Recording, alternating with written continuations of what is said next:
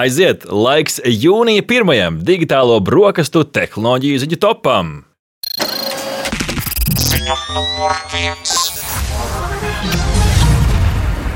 Lai nodrošinātu ērtu un mēdīju patēriņa paradumiem atbilstošu satura pieejamību, mūsu pašu Latvijas radio mobilā lietotne turpmāk būs pieejama arī lietošanai automašīnās, gan Android Auto, gan Apple CarPlay lietotājiem būs tā iespēja baudīt visu Latvijas radio saimnes saturu, ziņas, podkāstus, mūziku, izklaidi pēc pieprasījuma un tiešsaistē.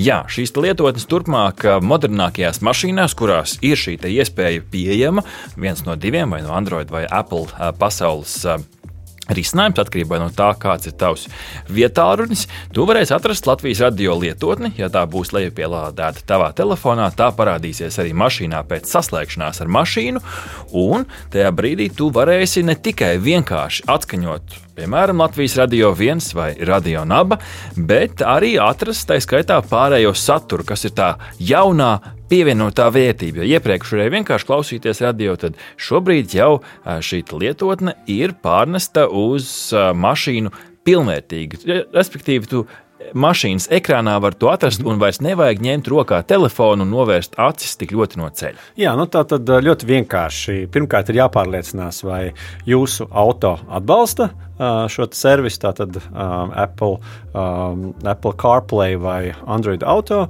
Un uh, tad ir divi varianti. Nedaudz vecākām mašīnām ir jāpieslēdz ar USB vada palīdzību telefons pie mašīnas, un tad attiecīgi uh, notiek šī savienošanās un iespēja izmantot šis, šo funkcionalitāti. Un tad jaunākām mašīnām šķiet, ka jaunākām par uh, 21. gadu ir iespēja arī uh, izmantot uh, bezvadu savienojumu. Mēdz būt arī nedaudz vecākām es teiktu, mašīnām. Jau, es esmu redzējis jau pat 15. gada, 16. Nu, redz, gada atkarībā no modeļa. Protams, jā, nu, tieši tā. tā kā ir, ir, ir um, pieejams arī šis te, uh, bezvadu savienojums, nu, un tad, uh, um, tad attiecīgi uzstādot, uh, un tad jūs varat arī lietot Latvijas radio lietotni savās automašīnās. Un pavisam īsi, šobrīd ir aktīva kampaņa, kur tu vari laimēt 50 eiro degvielas uzpildes uh, stacijā kartes un arī drošas braukšanas apmācības. Ja tev jau šobrīd ir šī lietotne un tu viņu pieslēgsi savai mašīnai, dodies uz kampaņa.latvijas-radio.lv un sīkāk uzzinās, kā tu vari pretendēt uz burvīgām dāvanām, neko daudz nedarot. Ziņa. Uzņēmums MyHeritage nāk klajā ar jaunu lietotni Reimagine, kas ļaus lietotājam ērti atjaunot savas vecās fotogrāfijas. Pavisam vienkārši. Tu paņem šo lietotni, nofotografē kādu vecu, iespējams, saburzīšos, saskrāpētu fotografiju, iespējams, ar saviem vecākiem, vecvecākiem vai kādiem senākiem ģimenes uh, radiniekiem.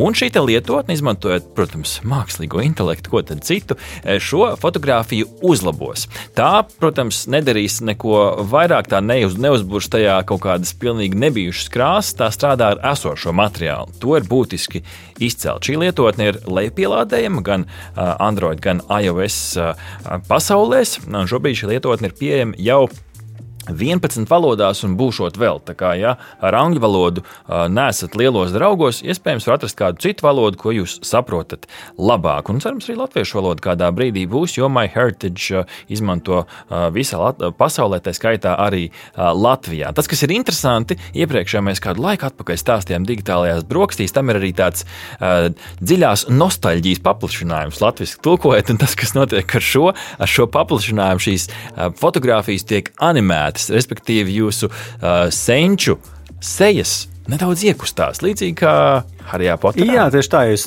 lasīšu Harija Potera grāmatas mm -hmm. vai skatīšos šīs frančīzes filmas, tad nu, teiksim, šīs sajūtas nebūs nekas jauns priekš jums. Es izmēģināju kādu laiku atpakaļ. Man, godīgi sakot, tā pirmā sajūta bija nedaudz uh, angliski, tāds labs vārds, krīpī, latviešu, nu tāds šarmuļu pārskai pār kauliem, jo es zinu, kā tas radinieks izskatījās un kustējās, un tas, kā viņš kustējās šajā fotografijā, nebija ne tuvu tam, bet nu, tā vairāk spēļu mantiņa kā, kā tāds reāls pielietojums pielietojums.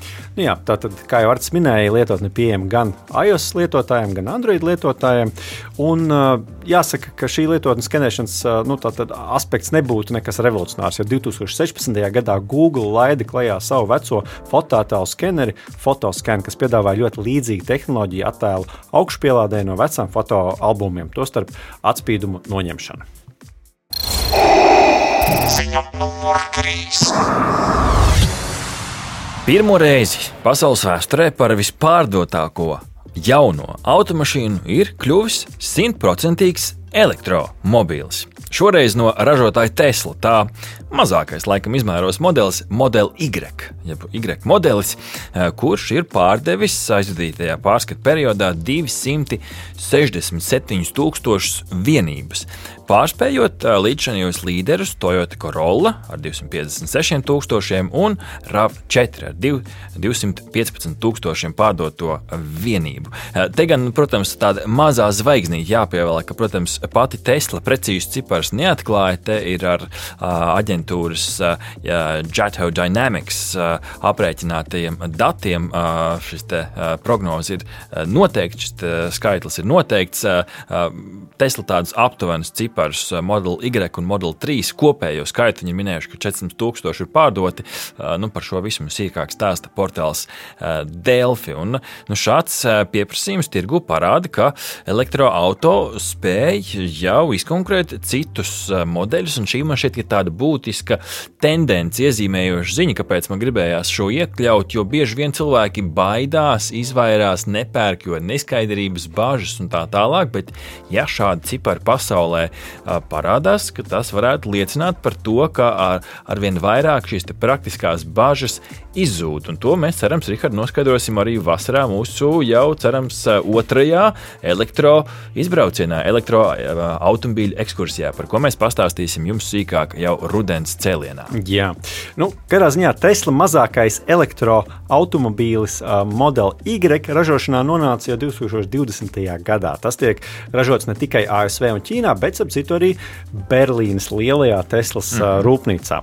Modelis nodrošina vairāk nekā 500 km sasniedzamību ar pilnu akumulātoru uzlādi. Jāpiemina, ka kopumā tā pasaules līderi automobīļu ražošanā, kas jau ir nu, visplašais spektrs, ne tikai šis pēdējais svaigais automobīļu cēliens, tur joprojām gan dominē Volkswagen, Toyota un General Motors koncerns. Tā kā šis tāds viens šaurs aspekts, taču vērā ņemams. Ziņa numur 4. Rihards, kura lietotne ir tā, kura mums visbiežāk parādās mūsu digitālā brokastu tehnoloģiju ziņu topos? Lietotni, kura nepārtraukti testē kaut kādas jaunas iespējas. Tas ir WhatsApp. Jā, WhatsAppā atkal jaunas iespējas, un tās jums interesē. Tā par tām mums arī patīk, patīk stāstīt. Ir tāds portāls kā WA Beta Info, jeb šo latviešu vienkārši iztulkojot, ir cilvēki, kuri urķējās pa beta, jeb agrīnā versiju kodiem un meklēja pavadienus, kas tad nākotnē varētu iznākt. Un bieži vien arī šīs lietas piepildās, kā mēs līdz šim esam stāstījuši. Un divi potenciāli jaunumi, kas varētu padarīt padarīt mūsu dzīvi šajā lietotnē interesantāku un varbūt pat praktiskāku. Viens ir ekrāna dalīšanās, otrs ir lietotāju vārdi. Ekrāna dalīšanās nu, nav galīgi nekas jauns. Zoom, Teams, Meets un citās platformās ar ekrānu mēs dalāmies un esam to labi jau apguvuši, bet līdz šim nu, WhatsApp lietotnē es neesmu redzējis vajadzību, taču iespējams arī tam ir kāds praktisks pielietojums. Rihardam nāk prātā kaut, kaut kāds gadījums, kur tu uzreiz redzētu, jā, arī WhatsApp video zvanā man tas noderētu. Jā, šķiet, ka ar arvien biežāk cilvēki izmanto WhatsApp arī šī datoru, jeb desktop versiju, kas, manuprāt, ir viens no galvenajiem iemesliem, lai ieviestu iespēju dalīties ar ekrānu. Nu, ņemot vērā, ka WhatsApp kļūst ar vien draudzīgāks darba vietām, nu, atceramies, mēs ziņojām par to, ka uh, par, būs lielāka iespēja, ir jau lielāka iespēja dalīties ar nu, lielāku apjomu failiem, uh, ir šī iespēja veidot privātās sārakstus. Nu, tad līdz ar to visai loģiski, ka nu, šo ar vien biežāk izmanto arī darba kolektīvu, lai savstarpēji varbūt sazvanītos un tad tad dalīties ar ekrānu nu, jau ir ļoti ierasta lieta šādām, šādām tikšanās reizēm.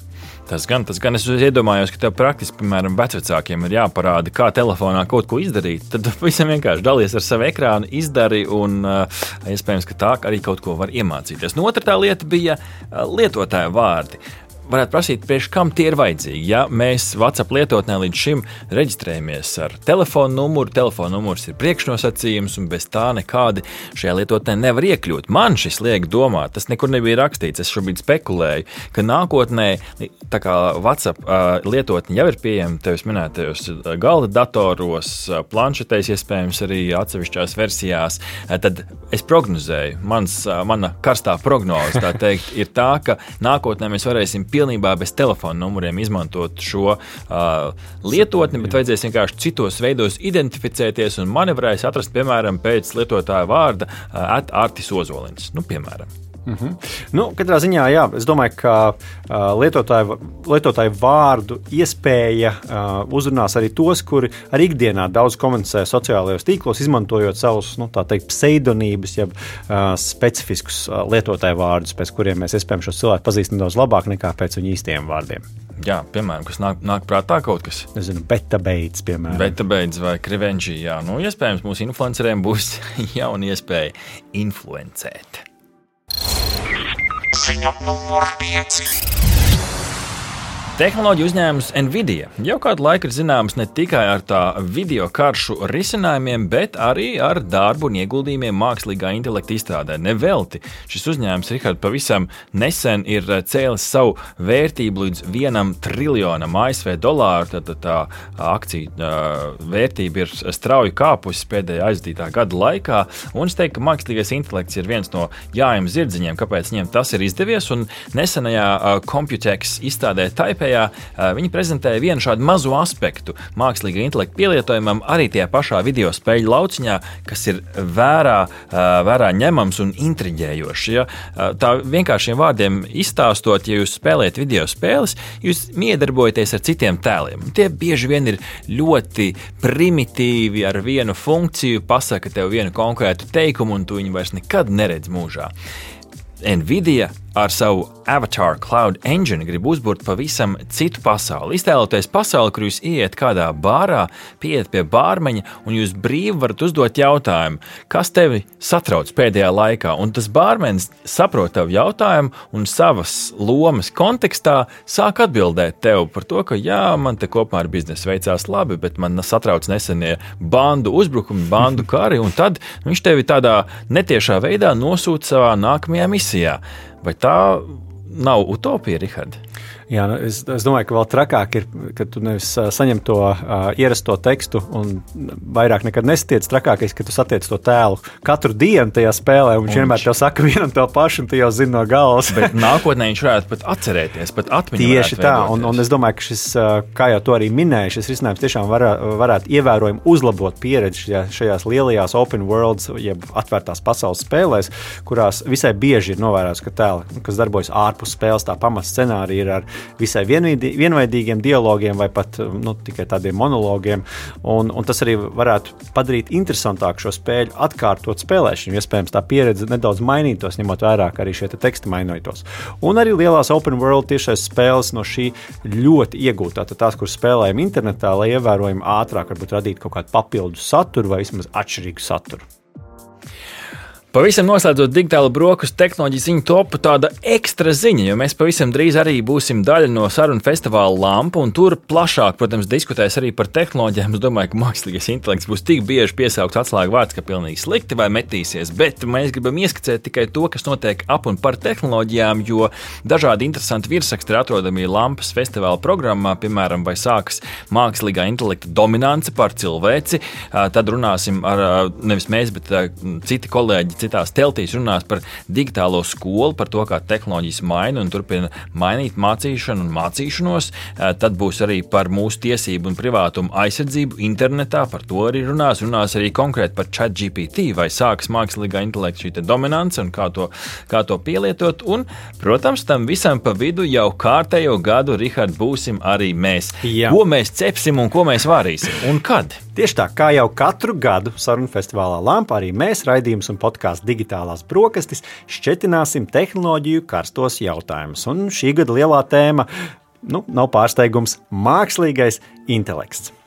Jā, tekstu radītāji, radošuma asistenti, attēlu zīmētāji, video spēļu izstrādātāji, vienkārši cilvēki, kuri grib uzlabot savu ikdienu praktiski, nāciet un pievienojieties mums turpat Maija parkā 10. jūnijā, sestdien no pulkstenes pusseptiņiem vakarā, tātad tajā saldajā laikā, kad pirms cepiena gribās vēl kaut ko interesantu paklausīties un kaut ko pat iemācīties praktisku, nāciet pie mums Maija parkā uz radio naba telti, kur mēs spriedīsim, diskutēsim un arī labprāt dzirdēsim no jums ar kompetentiem ekspertiem, kurus mēs atklāsim nākamā nedēļa.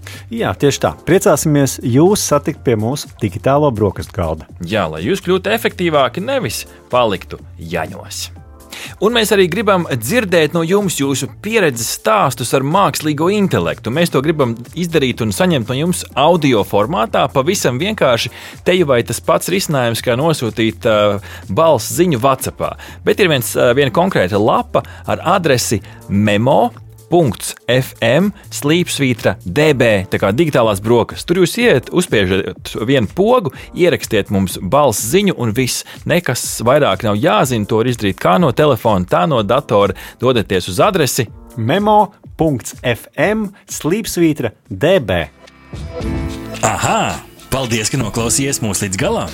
Ja patika, uzspiediet like, atstājiet komentāru vai padalieties ar draugiem. Un nobaudiet arī citas epizodes, kā arī sekot mums, lai nepalaistu garām savu ikdienas tehnoloģiju ziņu devumu.